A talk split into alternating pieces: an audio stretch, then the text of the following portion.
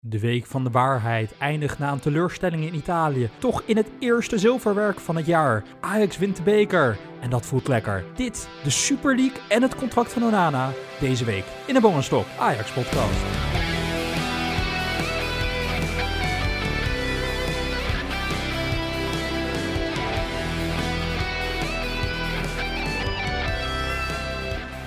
De week van de waarheid begon met uh, een diep dalstok, maar eindigt uiteindelijk ook met, uh, met een hoge piek. Hoe blij ben je met de beker? Ja, toch wel blij, Bon. Uiteindelijk uh, kun je in een seizoen, wat is het, drie, vier prijzen winnen. Als we de Johan Cruijffschaal dan ook maar meerekenen. Ja, en als je de eerste prijs binnen hebt, Bon, ja, daar speel je voetbal voor. Dus wat dat betreft blij. Vorige week eindigden we toch wel ja, in, een, in een rouwstemming eigenlijk. En ik moet het zeggen, ja, die stemming is nog niet helemaal om, omgeslagen. Ik heb nog steeds wel een beetje een kater van die wedstrijd tegen AS Roma. Ja, dat wel. Maar aan de andere kant laten we het gewoon uh, positief uh, bezien. We hebben een jaar geen prijs gewonnen vanwege corona. Geen enkele prijs is uitgereikt. Wat wel betekent dat Ajax nog steeds bekerhouder en, uh, en regerend kampioen is. Maar het is toch wel lekker om de selectie op zo'n platform een, een, een, beker de lucht in zien tillen. Dat, dat stemt de mensen gelukkig. Ja, dat is ook zo. Dat is ook zo. En weet je, Ajax, het is ze ontzettend gegund en hartstikke verdiend. Hè? Want ze hebben gewoon een, een, moeilijk schema gehad. Ze hebben AZ gehad, ze hebben PSV gehad. Ze hebben gewoon van de grote ploeg gewonnen. En uiteindelijk vandaag ook verdiend gewonnen. Het was een bar slechte wedstrijd. Maar er was één ploeg die verdiende te winnen en dat was Ajax. Dus gewoon echt een verdiende winnaar van de beker. Ik zat me wel af te vragen, Bonk. Ik vond het ook mooi om te zien. Hè? Met die beker weer op, op zo'n plateau. Dat deed me weer denken aan de goede oude tijden op Museumplein natuurlijk. Ik zag Neres alweer een beetje ouwen. Kreeg ook weer flashbacks daarvan. Maar stel je nou voor, als je daar dan zelf zou staan, dan sta je er maar met zo'n beker en dan zit je daar, oh, dan ga je zo omhoog. Maar zij zitten dus naar niemand te kijken. Het is gewoon helemaal leeg. Dus zij zitten gewoon, ja, ook gewoon maar een showtje ja, daar, daar, daar, daar te doen. Ik vond het wel, uh, wel grappig. Ik, ik heb er ook smakelijk om moeten lachen. En weet je, het is aan de andere kant wel een goed signaal. Want je kan ook die beker in ontvangst nemen en iedereen tilt hem een keertje op en je loopt weg. Uh, want er is geen sfeer. Maar dat betekent gewoon dat die jongens het onder elkaar gewoon hartstikke leuk hebben stok. Die vinden het gewoon lachen om met z'n allen een feestje te bouwen. Die hebben een teamprestatie geleverd. Nou, dat mag gevierd worden. Weet je, op je werk moet je dat toch ook doen. Uh, celebrate your successes ook virtueel moet je dat blijven doen. Ja, leuk dat die selectie dat doet, joh. Ik zat ook van, uh, gaan ze er nog wat mee doen? Lopen ze weg? Maar uh, nee, ze maken er iets leuks van, toch? Ja, precies. En je zag dat de stemming er goed in zat. Uh, ik, je zag dat Ten Hag, die was de, veel minder serieus dan dat hij normaal gesproken is. die zat een beetje te ouwehoeren met Gravenberg en Tadic. Ja, alle spelers die waren natuurlijk dolblij. Daily Blind ook goed om die dan toch daar even te zien. Hè? Ik schrok er wel van dat hij trouwens op krukken liep. Dat had ik niet. Ja, die zag ik ook niet. Maar Nee, precies. Dus, maar wat dat betreft, je zag inderdaad hoe, hoe leuk die groep het had toen ze die 2-1 scoorden. Dat iedereen op elkaar sprong natuurlijk. Hè. Ja, je zag dat het is een ploeg die hunkert naar prijzen. Uh, het is ja, een, een, een nare nasmaak naar donderdag. Maar ja, dit, uh, dit maakt toch wel weer iets goed. En we moeten ook niet onderschatten dat jonge jongens, zoals een Rens, een Timber, een Gravenberg die hebben nog nooit een prijs gewonnen. En dat moet je toch leren. Je moet leren winnen, het afmaken. En dat is gewoon fijn om er eentje in de, in de zak te hebben. Dus dat is alleen maar eh, goed voor de jongens. Uh, waar ik trouwens wel van schrok, of nou, eigenlijk zou ik beledigd zijn als Ajax ziet, waren die kleine miniatuurbekertjes die de KVB uittilden. ja, wat, ja. wat is dat nou? Wat is dat voor memorabilia? Wat is dat? Ja, nee, nee, nee. Maar die, die is er elk jaar, hè? Al die kleine, die kan ik me nog herinneren. Ik vond dus, ja, ik, ik moest mijn vriendin dus uitleggen waarom ze nou een badjas krijgen, Bonk. weet jij dat?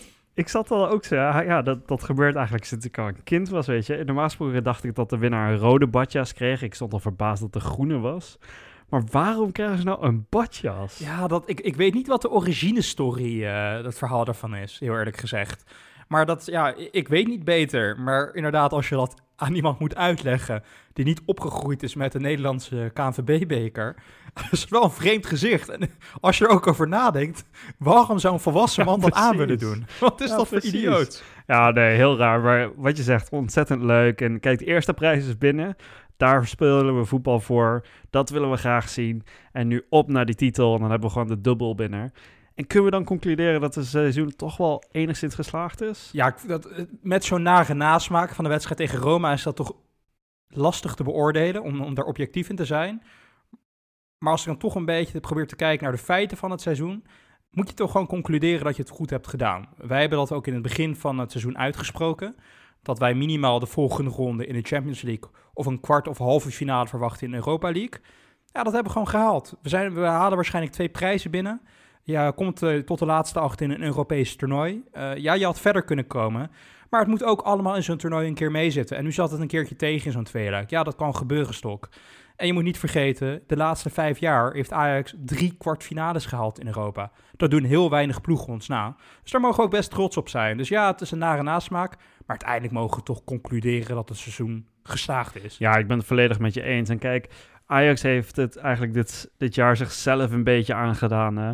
De eigen goal van Tagliafico tegen Liverpool de, ja, de, de misser van Onana tegen Liverpool ook. Hè. Die twee, anders was je gewoon een ronde doorgegaan in plaats van tegen Atalanta. Ja, nu tegen AS Roma. Ja, Scherpen die de bal doorlaat. Tadic die de penalty die er niet in schiet. Dan een, een buitenspel doelpunt, helaas, waardoor je niet op 2-0 voorkomt. Ja, het zat allemaal niet echt mee dit seizoen. En dat kan inderdaad een keer gebeuren. Het was wel ontzettend zonder uh, donderdag. Want uh, na die 1-0 had ik toch wel echt het idee dat er nog wat in zat. Hè? Ja, ik ook. Maar ja, je, moet ook gewoon een keer kunnen accepteren dat het een keer niet meezet. Want als je heel objectief kijkt, ik zat er laatst aan te denken. In het seizoen dat wij de finale hebben gehaald van de Europa League en de halve finale van de Champions League, hebben wij gewoon met een volledig fitte selectie gewerkt dat spelers, onze beste spelers, waren gewoon constant beschikbaar. Ja, nu ligt een Blind eruit, nu ligt een Onana eruit. Nou, als je zonder twee echt enorme grote sterkhouders in je elftal, zonder een Haller die niet mee mag spelen in Europa, toch zo ver komt. Ja, uiteindelijk kan je, kan je dan niet anders concluderen dat je het gewoon goed hebt gedaan. Ik, ik begrijp dat je in het moment zelf verder wilt komen en dat die nare nasmaak zal blijven, zal blijven hangen. Maar ik denk aan het eind van de rit, ook als we de schaal binnen hebben stok, dan uh, kunnen we als Ajax gewoon blij zijn met het seizoen hoor. Daar moeten we niet te veel twijfels achter, achter plakken, vind ik. Ja, precies. En kijk, en daarnaast kwam er ook nog naar buiten, hè, dat zei Ten Hag dan zelf in de persconferentie voorafgaand aan die wedstrijd, dat hij waarschijnlijk nog blijft ook een seizoen. Nou, dat vind ik ook positief. We kunnen doorbouwen op toch wel het succes wat we dit seizoen gehad hebben of gaan hebben. Hè. We lopen een beetje vooruit op de titel, maar die kan ons toch niet ontgaan, zou je kunnen denken. Maar ja, daar kun je toch wel op, op voortborduren. We hebben veel talenten. Rens natuurlijk, Gravenberg, die vandaag ontzettend belangrijk was. Daarnaast hebben we nog ja, een paar echt ja, eh, ervaren spelers. Klaas, uh, nou, Haller hopelijk dat die ooit in vorm raakt. Een Blind die straks weer terug is. Dit gaat gewoon volgend seizoen een mooi elftal worden. En daar kan uh, ja, onder Ten Hag's leiding toch wel weer iets moois groeien. Daar heb ik echt wel weer vertrouwen en zin in. Ik ook. En je zegt net Ten Hag blijft, maar ik weet niet of jij het interview van Ryan Gravenberg hebt gezien na de bekerfinale, waarin hij voor het eerst echt heel duidelijk voor de camera heeft gezegd en bevestigd dat hij, zijn doel gewoon bij Ajax blijven is, Stok. Er was een beetje twijfel over na dat zijn seizoen, maar die, die heeft ook gezegd, we gaan... Uh, ja, ik wil gewoon blijven bij Ajax. Ik moet nog gewoon uh, doorgroeien, beslissender worden.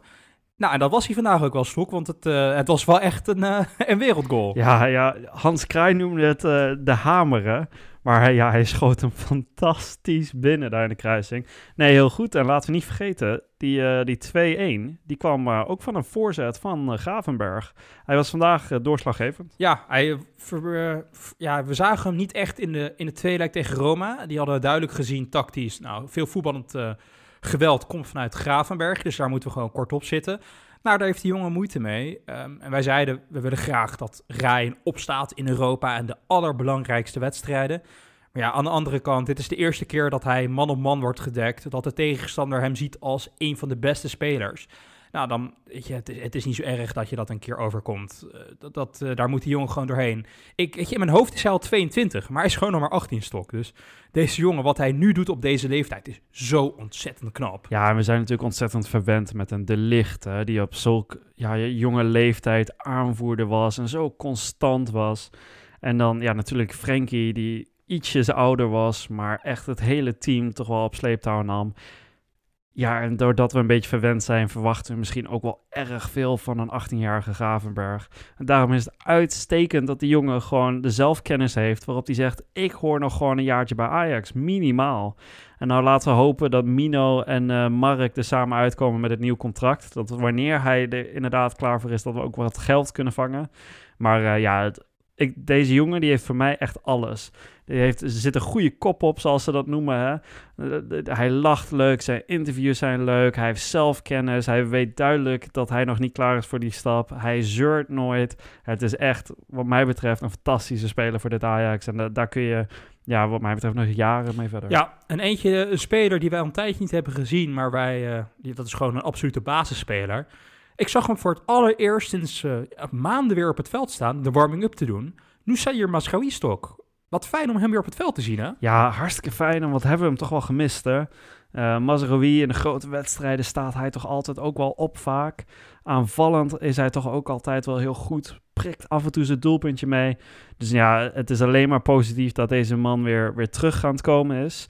rare blessure natuurlijk met zijn oog, een bal op zijn oog gehad. En daardoor uh, ja, een tijdje eigenlijk weinig kunnen zien vanuit één oog. Dus ja, toch wel blij dat deze man gewoon weer terug is op het, op het trainingsveld. Weer terug is op de bank. En het is een kwestie van tijd voordat hij weer in de baas staat. Want uh, wat mij betreft een topspeler. Nou, de absolute basisspeler bij Ajax. Maakt ook geen rare fouten. In tegenstelling tot de back van uh, Vitesse Stok. Want die besloot om even zijn benen drie meter hoger te, te plaatsen dan dat nodig was. En die eigenlijk zijn, uh, ja, de glazen van Vitesse ingooide. De kans op de beker vervlogen door een rare gedachtegang van zo'n van zo'n back. Ja, vond je het een rode kaart? Nou, ik vind dat je het beide kanten kant kan opbeargumenteren. Als Ajax ziet, uh, zou je zeggen, ja, het is en een doorgebroken speler. Hij is te laat, het been is onnodig hoog, het is gewoon gevaarlijk spel. Je kan iemand blesseren, het kan rood zijn. Maar als dit tegen een, uh, of tegen een Timber was gebeurd, andersom... Nou, dan had ik om een gele kaart geschreeuwd, omdat het was uh, geen directe doelkopoging. niet met een gestrekt been op, op een scheenbeen ja, ik, ik kan me erin vinden, maar ik, geel had ik, had ik ook geaccepteerd hoor. Ja, hij was wel heel erg laat. Hij kwam toch wel onbesuisd in vliegen. En wat mij betreft, het leek alsof hij aan het mikken was op de knie. Zo hoog kwam zijn voet ongeveer. Hè. Dus wat dat betreft was het, uh, wat mij betreft, vind ik rood. Geen raar besluit. Ik had misschien ook wel met geel kunnen leven. Maar ach, die rode kaart. Ik vond het trouwens wel grappig om te zien dat Kuipers, die had de gele kaart in de hand. En dan vervolgens de assistent die zegt, nee, nee, dit is rood. En hij neemt het ook gewoon over. Dus ja, ik, ik vond het wel, wel mooi om te zien. Ik was overigens... Uh, als we het toch over deze wedstrijd een beetje hebben, en uh, natuurlijk mooie overwinning, ondanks dat het spel misschien niet best was. Ik was wel heel erg blij voor Haller, dat hij toch wel weer zo'n belangrijke assist geeft. Ik heb toch wel het idee dat die jongen dat nodig heeft, vond je niet? Ja, want Sebastian Haller komt voetballend gewoon echt niet mee bij Ajax momenteel. Hij doet gewoon echt pijn in je ogen om die man in de combinatie te zien. Balletjes die niet aankomen. Uh, toch ook voor zo'n man met zo'n fysiek dat hij veel duels verliest. Dat verbaast mij toch ook altijd. Maar nogmaals, ja, blij dat hij, uh, dat hij die assist geeft. Maar ik denk dat dat dit seizoen maakt voor hem niet heel veel meer uit. Ik bedoel, hij scoort zijn goaltjes toch wel. We worden kampioen. Uh, hij kan even gewoon wennen. Uh, maar hij, maakt het, hij hoeft het verschil nu niet meer te maken. Dus hij moet gewoon even lekker meeballen. En dan zien we wel na de zomer, volgend seizoen, hoe dat loopt. Maar ja, het kan geen kwaad zo'n assist. Dat, dat ben ik wel met je Ja, en de man die we eigenlijk afgelopen donderdag niet hebben gezien, maar vandaag misschien toch wel de man of the match was. Anthony Bon. Ja, die komt weer in vorm. Dat verbaasde me zo, want uh, hij is echt een tijdje gewoon helemaal... Kun je dat zeggen na één wedstrijd? Want wat ik zei, op donderdag ja, hadden we ook net goed zonder hem kunnen spelen. Ja, nee, dat is ook wel waar. Maar ja, hij was vandaag wel echt... Nou, weergaloos vind ik een beetje te ver, maar hij was wel echt goed. En het was, hij kwam ook zijn man een paar keer voorbij. Nou, en, en dat, daar hebben wij het vaak over gehad. Wat is een element van zijn spel wat we gewoon een hele tijd niet hebben gezien. Het was een actie, vaak over de bal heen stappen en dan terugpassen. Een beetje zoals Cristiano Ronaldo dat uh, deed nadat zijn explosiviteit weg was. Alleen Anthony scoorde ook niet. Ja, dan, uh, dan voeg je heel weinig toe.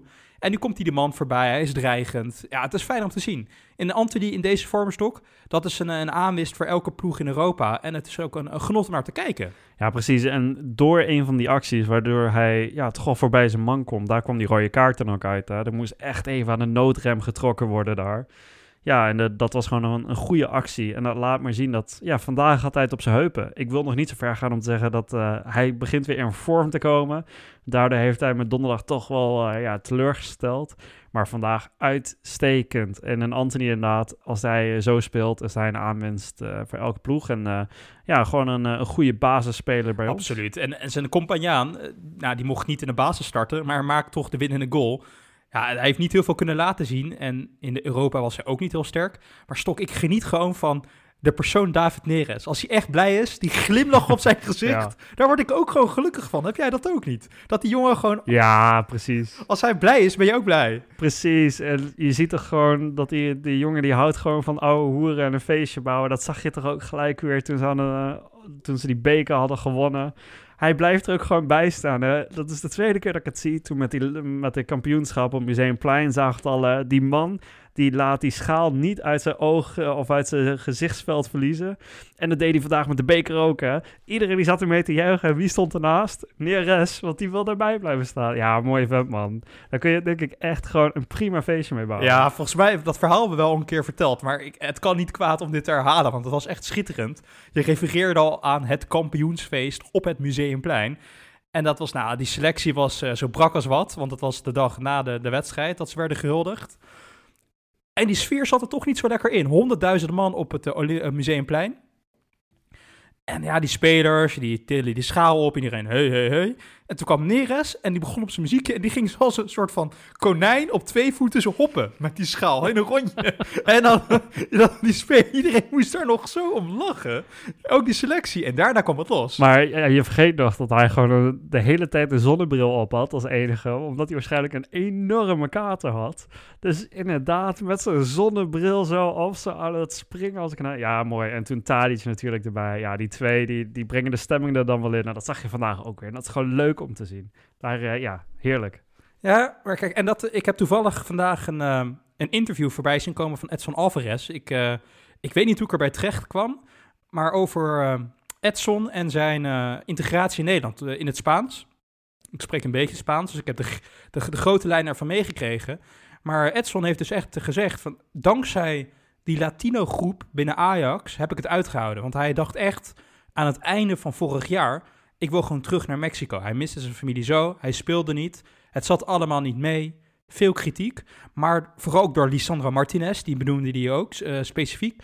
Maar ook gewoon hoe leuk David Neres eh, met hem was. Dat hij het toch het waard vond om te blijven. En dat vind ik wel eh, een kwaliteit die wij niet zien. Maar David Neres stok, dat is net zoals Gravenberg. Als hij ernaast staat, klaagt hij niet. Als Anthony scoort, is hij blij voor Anthony. Als het team het goed doet, is hij blij voor het team. Dat vind ik ook gewoon een hele goede kwaliteit om te hebben. Een teamspelerstok. Ik eh, moet eh, zeggen, ik ben altijd blij met David Neres. Precies, en je zag het toen ook toen Anthony kwam, eh, dat hij dat liedje opnam en zo. Ja, dat, dat zijn mooie dingen en het, het zijn gevoelsmensen. Soms past dat niet zo met de Nederlandse cultuur, maar dit zijn gevoelsmensen. En dat is gewoon mooi om te zien hoe, hoe dat groepje elkaar dan eh, ondersteunt. Je zegt overigens, Neras die klaagt nooit. Dat klopt, dat doet zijn vriendin voor hem op Instagram. Ik weet niet of je dat ooit gezien hebt, maar die is wel vaak kritisch. Maar eh Neres inderdaad zelf niet. Ja, toen Osama Adrisi werd aangetrokken van... doe je niet another one in the front, eh, reageerde ze via haar Insta. Precies, precies, Ja. ja. Ja, ik, ik kan het toch niet laten, Stok. We zitten nu in een positieve flow, maar ja... De invalbeurt van Osama Idrissi tegen AS Roma kon mij echt niet bekoren. Hij is de bal alleen maar kwijtgeraakt. En ook gewoon een bal door het midden naar niemand toe. Gewoon in de voeten van de spits van Roma. Ik wist niet wat ik zag. Deze man, sorry lieve luisteraars, maar die verdient het niet om op de erelijst te worden gezet voor de beker en de schaal van eh, Ajax dit seizoen. Deze man moeten we nu uitschrijven bij alle competities. Ik heb het helemaal gehad met zijn attitude en met zijn inbreng. Ja, en het, daar is geen spel tussen te krijgen. Deze man die heeft helaas 0,0 toegevoegd aan dit Ajax.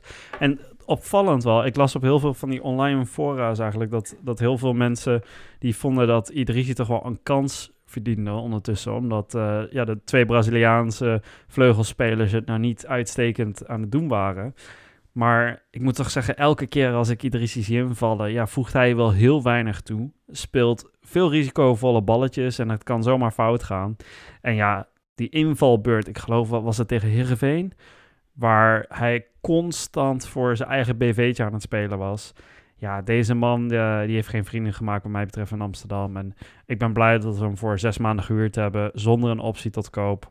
Want eh, laat hij maar weer lekker uitwaaien naar een andere club. Ik denk dat hij weinig eh, meer, minuten meer gaat maken bij dit Ajax. Dat ben ik met je eens. Ehm nou, tenzij we natuurlijk kampioen worden. Want eh, dat uitzicht hebben we wel, hè, Stok. Dat wij nu gewoon twee prijspodcasts achter elkaar maken. Want we zijn deze week winnen we de beker.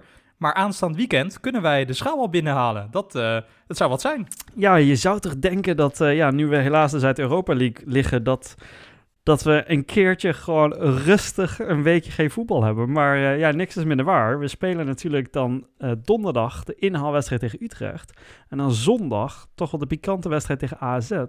En winnen wij allebei, dan zouden we zomaar kampioen kunnen zijn, Bom. Ja, volgens mij ligt dat echt in onze eigen handen, toch? Als we gewoon twee keer winnen, dan zijn we toch gewoon kampioen. We hebben nog twee overwinningen nodig. Dus als PSV niet verliest uh, en AZ niet in door de weeks, dan zijn wij volgens mij uh, zondag als met een overwinning en wij winnen ook midweeks, dan hebben wij gewoon de schaalhandelstok. Dat uh, zou wat zijn. Dan, is het seizoen echt afgesloten. Volgens mij hoeven we dan ook geen podcast meer op te nemen, want de rest doet er dan niet meer toe. Hè? En dat zou toch ook wel lekker zijn. Vier wedstrijden voor het eind van het, van het seizoen. Ja, ik weet dat heel veel Nederlanders vinden de Eredivisie altijd leuk, omdat het vaak spannend is tot het eind. En natuurlijk hebben we daar heel veel voorbeelden, van in de recente historie. Maar ik vind het ook wel eens lekker dat we gewoon een paar wedstrijden voor het eind dat we kampioen worden. Dat is ook alweer lang geleden hoor. Inderdaad. En je zag het ook vandaag, hè? Het, met zo'n seizoen dat door corona in het begin is aangetast, qua wanneer starten we. Er zaten zoveel wedstrijden achter elkaar geplakt in een kort tijdbestek. We zien nu blessures. Ook vandaag de wedstrijd, Estok. We zagen hoe moe Ajax was. Dat Vitesse, dat eigenlijk geen Europees voetbal speelt. En ja, je zou zeggen, die moet gewoon fit kunnen zijn. Die zaten er na 60 minuten helemaal doorheen. Ja, dat is gewoon het effect van het, uh, van het programma, toch? Ja, maar daar snapte ik dus helemaal niks van. Dit is toch een ploeg die heeft toch acht dagen rust gehad? Hoe kan het nou zijn dat uh, ja, ze, ze vielen bij bosjes neer eigenlijk allemaal. Hè? En allemaal met spierblessures en kramp en weet ik het allemaal.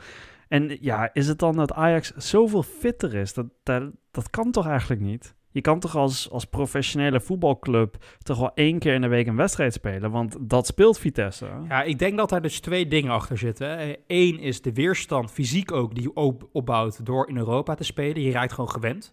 De spelers van Ajax, die weten gewoon al drie jaar, heeft hun lichaam de herinnerings, muscle memory, zoals ze dat mooi noemen, dat ze elke drie dagen moeten geven. Nou, dat hebben Vitesse-spelers niet. En dat hebben ze dit seizoen voor het eerst moeten doen. Omdat ze met de beker heel veel wedstrijden voor hun doen hebben gespeeld. En ook de Eredivisie. We hebben er nog nooit zoveel midweekse speelrondes gehad als, als dit jaar. Vanwege het, eh, het latere startdatum van het, eh, van het eh, programma. Dus ik denk dat Vitesse gewoon nu tegen zijn limieten aanloopt. Net zoals veel andere Eredivisie-ploegen. Dus je ziet ook kwaliteit gewoon om achteruit gaan. En dan, wij klagen wel over het niveau van de Eredivisie. Maar dit is gewoon echt ja, debet aan, aan het programma. Dus ik neem het niemand kwalijk dat het niveau achteruit gaat, maar dat maakt het voor ons wel des te fijner dat, uh, dat de laatste wedstrijden er niet meer toe doen. Ja, maar nu we het toch over Vitesse hebben, Bong. Kijk, dit was natuurlijk de wedstrijd van het seizoen voor hen. Hè? Fantastisch mooi hoe die fans dat deden overigens in, in Arnhem bij die brug. Dat ze de spelers aan het uitzwaaien waren. Allemaal toch wel mooi om te zien. Er zitten een paar mafkezen bij. Maar uh, over het algemeen is het natuurlijk wel een mooi iets. Maar voor die spelers, dan speel je dus de wedstrijd van het seizoen. En als speler wil je dan toch wel vaak je stempel daarop drukken. Nou, dat lukte Bazoer en Tanane duidelijk niet. Maar mijn vraag aan jou, Bong, is... Als je ja, toch wel je stempel erop wil drukken, zou jij dan vanaf 35 meter een vrije trap op goal proberen te schieten? Of zou je hem dan toch misschien wel voorgeven? Wat was dat toch? Ja, nee, ik had hem voorgegeven, maar dat ja, komt omdat ik na kan denken, Stok. Dus dat, dat, dat scheelt al. Want Tanane die heeft uh, al vaker uh, laten zien dit jaar dat hij over een te kort lontje beschikt, over te veel... Uh, ja, te groot ego eigenlijk, hè? Want inderdaad wat je zegt, wat bezielt je in godsnaam om van zo'n kansloze positie op goal te schieten. Dat is, doe je echt puur en alleen voor je eigen glorie, je eigen eer. Omdat je één kans op 10.000 hebt dat die bal erin vliegt en dat jij de beste goal maakt in de bekerfinale sinds jaren. Maar dit is absoluut niet een plezier voor je ploeg. Dit, uh, als medespeler was ik enorm boos geweest op deze jongen. Maar dat zag je niet echt terug in de reacties, vond ik. Nee, precies. En dan laten we al zien wat, ja, hoe, hoe die Tenane toch wel vertroeteld wordt daar bij Vitesse. Het is natuurlijk een uitstekende speler wanneer hij goed voetbal speelt. Ik denk dat iedere voetballiefhebber in Nederland is daarmee eens. Het is een fantastische speler. Maar ja, dit soort acties, Bong, daarom gaat hij dus nooit bij een topploeg spelen.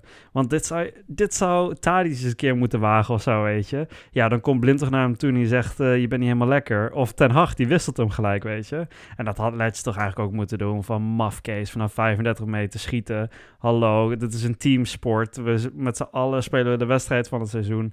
Laten we ja, proberen elkaar toch de bal toe te spelen, niet uh, voor eigen BV te spelen. Ja, maar ter verdediging van Tanane, ik denk oprecht dat hij dan gaat scherpen goal stond. En dan begrijp ik het ergens wel.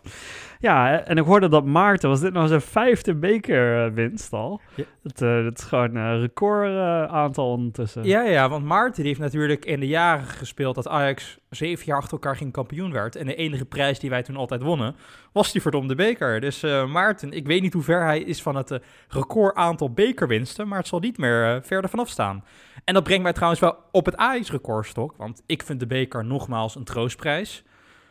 Maar het is wel de twintigste. En dat is toch wel een lekkere mijlpaal. Dat wij eh, gewoon twintig keer die beker hebben gewonnen. Dat, eh, ik, dat- ja, dat wij gewoon recordhouder zijn in en de eredivisie en de beker.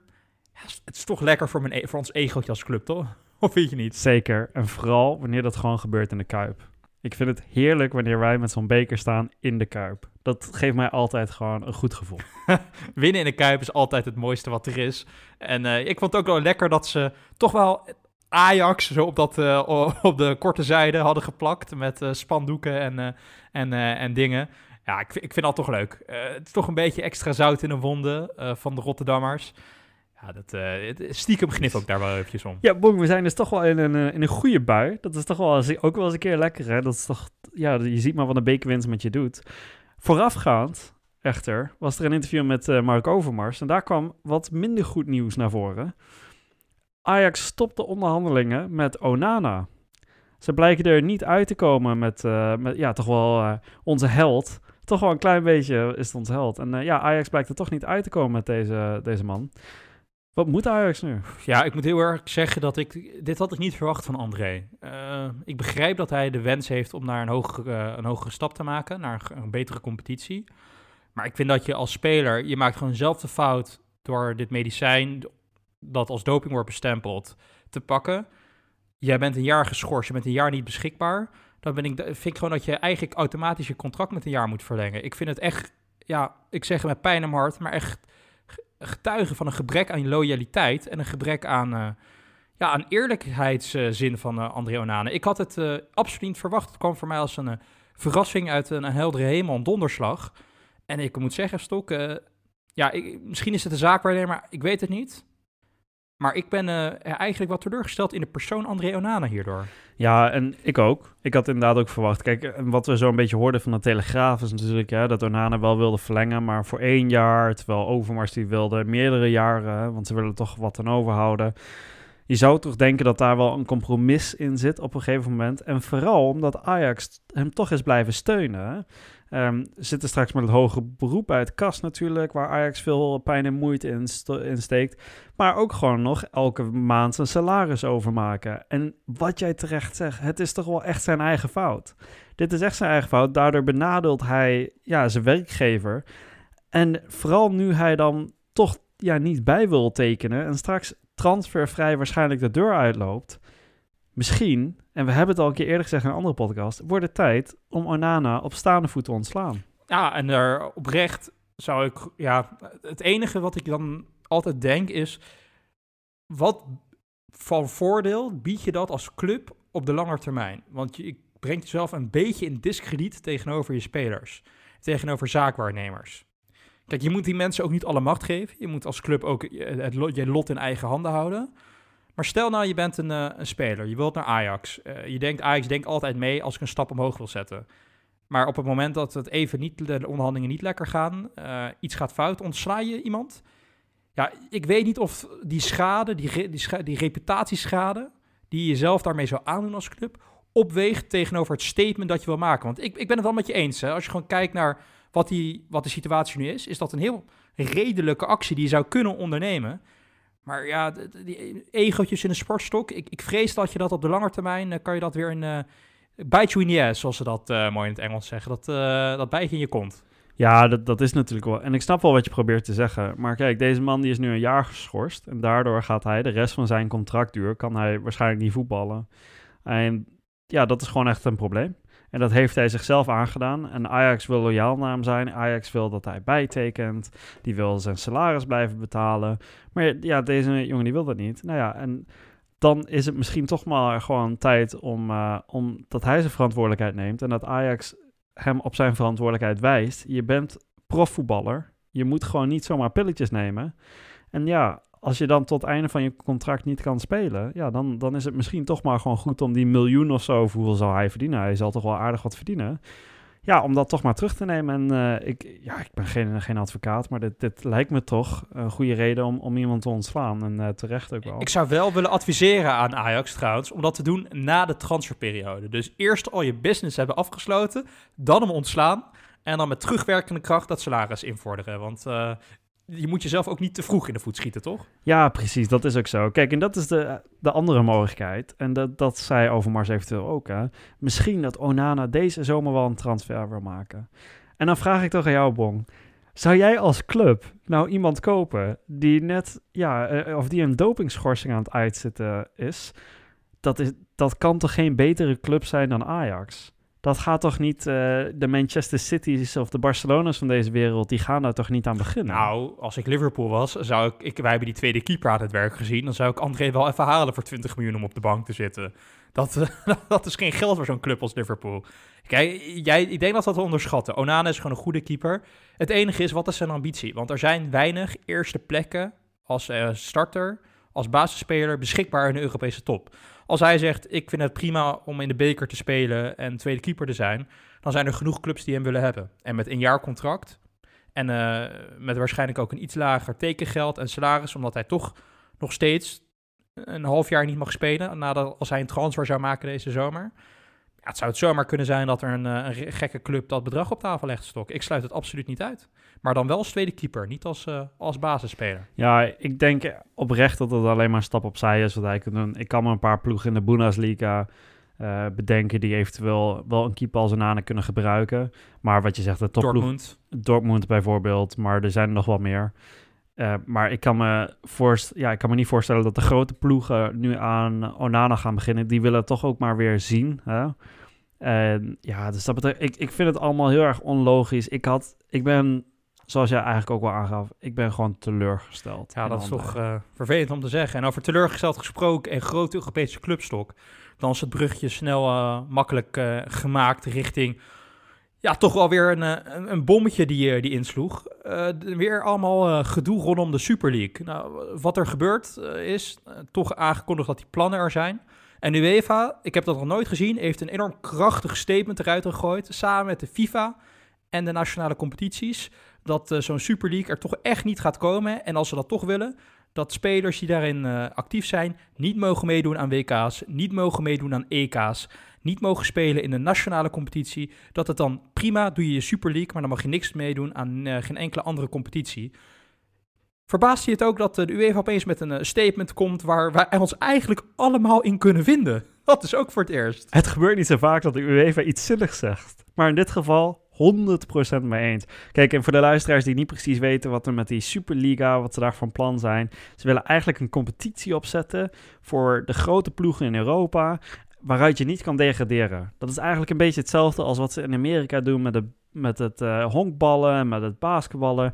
Daar heb je gewoon een bepaalde groep teams. En ja, daar kun je niet uit degraderen. Je kan uiteraard kampioen worden. Maar daarmee zorg je dus dat je eigenlijk altijd enorm veel geld binnenharkt. En dat uh, de risico's vrij klein zijn. En dat willen ze nu ook gaan doen. Dus ploegen als Real Madrid, Barcelona, Liverpool, City, Arsenal, Chelsea. Ja, noem ze maar op. Die hebben er allemaal interesse in. Want er, er gaat natuurlijk ontzettend veel geld uh, in om. En ja, zo wat dat betreft, begrijp ik heel goed dat de, de de bonden en ook de UEFA zeggen: ja, als jullie dat willen, nou ja, goed, prima. Maar niemand mag meer spelen in een van onze competities. En dat vind ik ook uitstekend. Wij zijn een ploeg, Ajax, wij willen ook aanhaken met de Europese subtop. En zo'n Superliga zou ook ons buitenspel zetten. Ja, dat is, dat is gewoon niet meer wat voetbal hoort te zijn. En het akkoord was uh, kennelijk ondertekend door zes ploegen uit, uh, uit uh, Engeland. En daar wil ik nog graag even een hele aparte club uitlichten. Die heet de Arsenal FC. Die uh, spelen al uh, jaren niet meer in de Champions League. Al twintig jaar geen kampioen geworden in Engeland. Dat zal wel zoiets zijn, hè? Hoe kan die club nou worden uitgenodigd voor een elite-competitie in Europa-stok? Hoe kan je dan zo'n club uitnodigen en niet Ajax? Ook al zou ik ook tegen Ajax deelnemen zijn geweest, maar heel apart dit, toch? Nou, absoluut. Kijk, en daar, daaraan zie je gewoon dat het om geld gaat. Arsenal is nog steeds wel een van de rijkste ploegen in de wereld. Hè? Een van de ploegen met de meeste omzet. Dat zie je altijd uit die rapporten. Forbes kwam laatst met zo'n rapport. Ajax zit weer voor het eerst in de top 20. Maar Arsenal zit gewoon altijd standaard in de top 10. Dus het is een grote ploeg qua fanscharen. Financieel zijn zij aantrekkelijk. Het is een groot merk. En daar kijken ze naar, Bong. Het gaat helemaal niet meer om het voetbal. Het gaat er niet om wie is de beste ploeg. En dat kan eventueel een Ajax zijn in de halve finale van de Champions League. Dat seizoen, weet je wel. Daar gaat het allemaal niet om. Het gaat alleen maar om het garanderen dat zij zoveel mogelijk geld binnenhalen. Ja, dat, dat moeten wij toch gewoon niet steunen daar gaan wij toch gewoon niet naar kijken. Nee, absoluut niet. En ik, ik, ik ben ook heel principieel in. Ik, ik vind dit gewoon voorbijgaan aan het idee sport. Dit is het idee geld.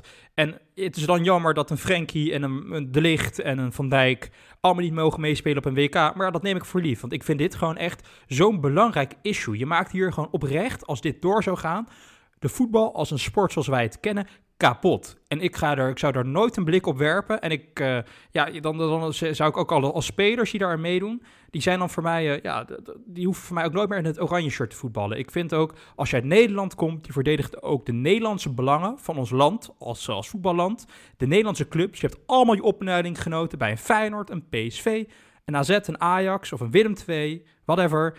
Maar die zet je allemaal buitenspel door aan dit soort praktijken mee te doen. Uh, nee, dit uh, moeten we gewoon met z'n allen afkeuren. Nooit naar kijken. En uh, ja, als dit ooit nog een keer op tafel komt, gelijk een boete geven. Ik wil dit idee gewoon niet meer horen. Nee, precies. En daarom voor het eerst een compliment dan aan de UEFA.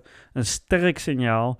En ja, gewoon heel duidelijk. Als jullie dit doen, dan zijn jullie niet welkom op welk toernooi of welke competitie wij organiseren of die onder ons valt. Um, alle spelers zijn persona non grata en die mogen ja, eigenlijk niks meer doen.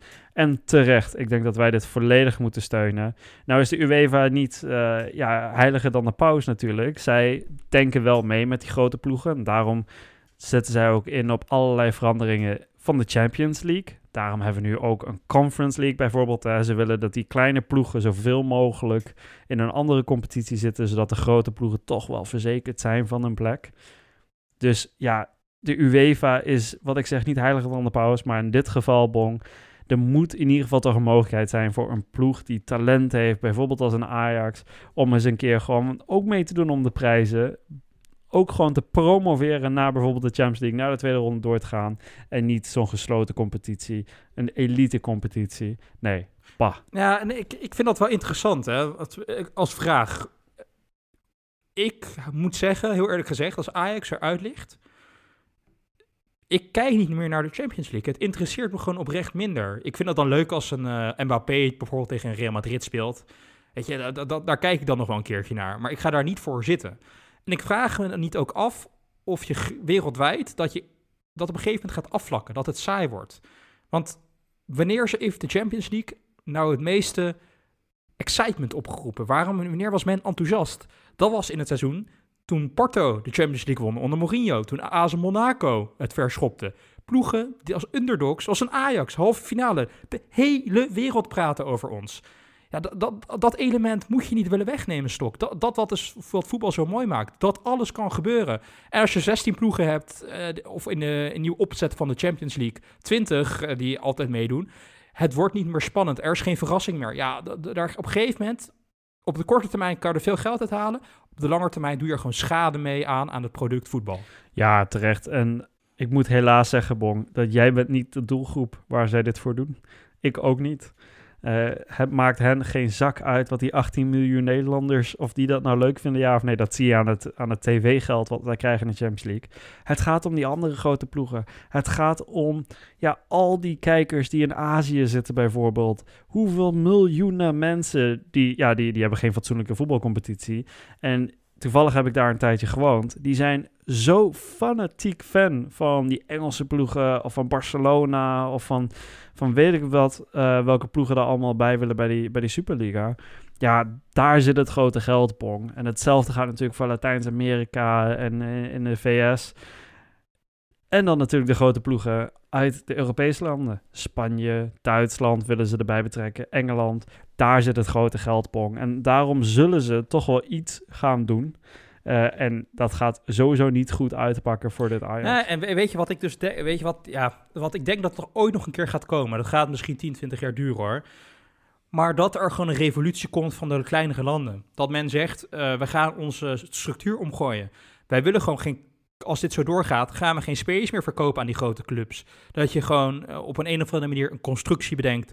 Dat jeugdspelers een contract tekenen voor 10 jaar. En dat je gewoon een akkoord sluit als alle kleine landen bij elkaar. België, Nederland, Oostenrijk, Zwitserland, noem maar op. Dat je gewoon niet meer verkoopt. En dat je al je beste spelers gewoon houdt. En uh, daar gewoon niks meer mee te maken wil hebben. Want het voetbal wordt gewoon minder spannend stok. Ik vind het echt oprecht schandelijk dat een club als een Ajax, maar ook een Rode Ster Belgrado, clubs met historie, gewoon eigenlijk geen kans meer hebben. Dat zijn clubs die met hun beleid eigenlijk betere voetbalclubs zijn dan een Tottenham Hotspur, dan een Arsenal. Die moeten het gewoon hebben van hun geld. Ja, ik vind dat gewoon echt schandalig. Ja, en kijk welke ploeg er ook bij zit, die ook uh, fijn zijn handtekening eronder heeft gezet. Dat is AC Milan. Een ploeg die al jarenlang financieel wanbeleid uh, heeft uh, gedaan. Al jarenlang geen Champions League speelt. Voor hen zou dit echt een promotie zijn. Dit is een geschenk uit de hemel natuurlijk. Kijk, ze gaan dit jaar waarschijnlijk Champions League halen. Um, in plaats van Juventus overigens. Ook wel pikant. Juventus staat op een Europa League ticket. Wie had dat nou toch gedacht? Maar ja, dat zijn ploegen. En je, je noemde Arsenal al. Ja, die, die halen normaal gesproken de Champions League niet meer. Ja, en dan is dit een, een mooie uitweg. Ja, en mooie traditionele ploegen als Ajax, Rode Ster Belgrado destijds, uh, ja, die, die verdwijnen.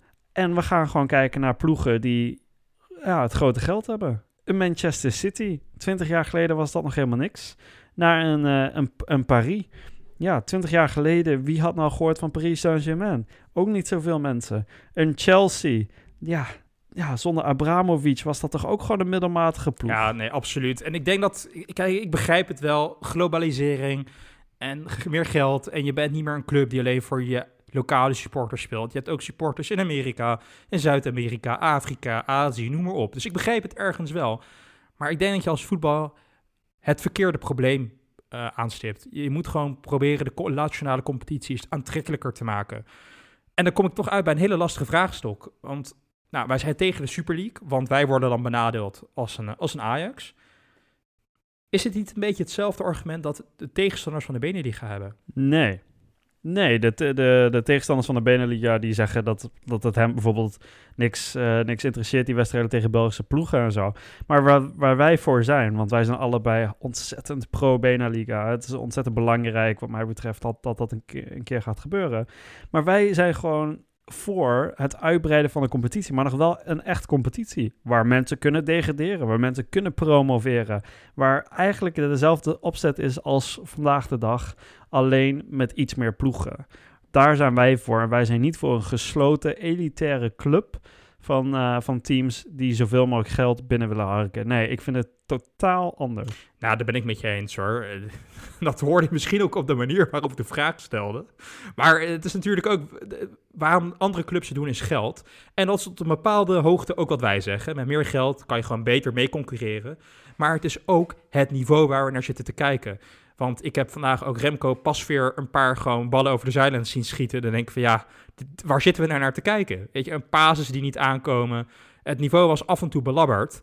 Dat willen wij gewoon een beter product zien. En als je met 16 clubs van een AC Milan, Juventus, Real Madrid tegen elkaar gaat spelen, dat niveau blijft hetzelfde. Dat gaat niet omhoog. Dat is echt onzin. Dus wij moeten gewoon het niveau van andere competities, zoals in Nederland en in België, omhoog halen. En één manier die wij daarvoor zien, is de Beneliga. Dat wij gewoon leukere wedstrijden hebben om naar te kijken. En dan is geld een bijkomstigheid. En dat is dan leuk, maar dat is niet de primaire reden waarom wij dat willen doen. Wij willen gewoon meer weerstand, betere competitie, leuker om naar te kijken.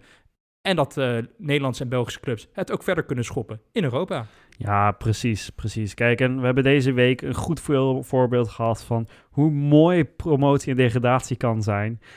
Ik heb heel weinig met de ploeg uh, Cambuur. Vrij neutraal naartoe. Maar ik heb wel echt genoten van dit verhaal van Cambuur. Die vorig jaar de Eredivisie ontnomen is door de KNVB. Terwijl zij toch ontzettend lang bovenaan hebben gestaan. Die konden de titel eigenlijk niet ontlopen. Die zijn vervolgens dan niet gepromoveerd. En die hebben dit seizoen het gewoon weer geflikt. Ja, fantastisch. Die ontlading bij die ploeg na twee jaar eigenlijk, dat ze dan alsnog gaan naar de Eredivisie. Dat is toch mooi, Bong? Dat is toch passie? Dat is toch emotie? Dat willen we toch hebben? Daar, daarom is voetbal zo mooi. Ja, nee, dat is ook zo. Voetbal is emotie. En dat moeten we er vooral inhouden. Het moet niet een, een wedstrijd worden die je op wiskunde en op geld kan beslissen. Eh, Emotie is het mooiste van voetbal, joh. Eh, zo, Zo'n beker, eh, het- ja, het, het, het spel is niet leuk en eh, mathematisch gezien heel veel, zeg maar, pass completion rate, dat vaak in beeld komt. Paasnauwkeurigheid was enorm laag, maar uiteindelijk ben je blij en ben je gelukkig door de emotie van zo'n schaal in de lucht hangen. Gooien, ja, geweldig. Dat, eh, dat, moeten, we, dat moeten we erin houden. Zelfs in een leeg stadion. Zelfs in een leeg stadion. Trouwens wilde ik nog eventjes... Ik zat net, eh, toen jij dat zei eh, over Cambuur even... Dat was voor mij een, een complete curveball. Die zag ik niet aankomen. Dus ik moest even de keukenkampioen-divisie googelen. en ik zie nu ook de Graafschap. Die waren natuurlijk vorig jaar in hetzelfde schuitje als uh, Cambuur. Die promoveren hoogstwaarschijnlijk ook. Dus dat is ook weer goed om te zien. Dat is jouw clubje, hè? Ik, eh, ik heb veel familieleden en, eh, en vrienden die inderdaad de graafschap een warm hart toedragen. Ik, ik ben er vaak geweest. Het is gewoon een hele leuke club. En eh, dat is ook, eh, als ik dat kijk, als ik dat vergelijk met een Excelsior bijvoorbeeld, dan gun ik dat wel dat die weer in de Eredivisie komen. Hetzelfde met een NAC bijvoorbeeld, dat zijn toch mooie ploegen. Ja, want ik zat wel te kijken. Ik zag Almere City op een hele vervelende vierde plek staan. Ja, dat is een ploeg die ik, eh, een stad die ik nooit in de Eredivisie wil hebben, heel eerlijk Dat gezegd. is toch een stadion, daar kunnen geloof ik 3000 man in. Ja, Dat, waarom willen we dat in de Eredivisie hebben? Ja. ook nog kunstgras. Ja, dat moeten we gewoon niet willen. Nee, sorry Almere City fans, als jullie bestaan. Dat moeten we gewoon niet willen. Ik, ik, ik schaam mij altijd, weet je wel. Dan heb je die, die hele dure selectie van Ajax. En ik kan me nog, nog heel goed herinneren. Toen in dat fantastische seizoen in de halve finale Champions League en zo. En toen kwam er een belangrijke Champions League finale of eh, wedstrijd, die kwam eraan. En toen speelden wij in de Cool in Venlo. en dan zie je dus die ontzettend dure spelers die eventueel voor 80 miljoen weggaan. Die zie je dus op van die voetbalschoenen met van die gladde noppen die trap afgaan in de koel. Nou, dan hou ik mijn hart vast en dan denk ik, nou, weet je, ik schaam me gewoon een beetje dat zij in dit stadion moeten voetballen. Dus ja, nee, laten we het gewoon mooie, traditionele, lokale ploegen erbij. Dat kan een NAC, een De Graafschap, heerlijk. Cambuur ook hartstikke welkom. Heerlijke ploegen ook. Laten we daar, eh, daarbij houden. En eh, Almere City, als zij nog door blijven groeien, een nieuw stadionnetje bouwen, dan zijn ze ook welkom hoor. Maar op dit moment toch niet. Nee, absoluut niet.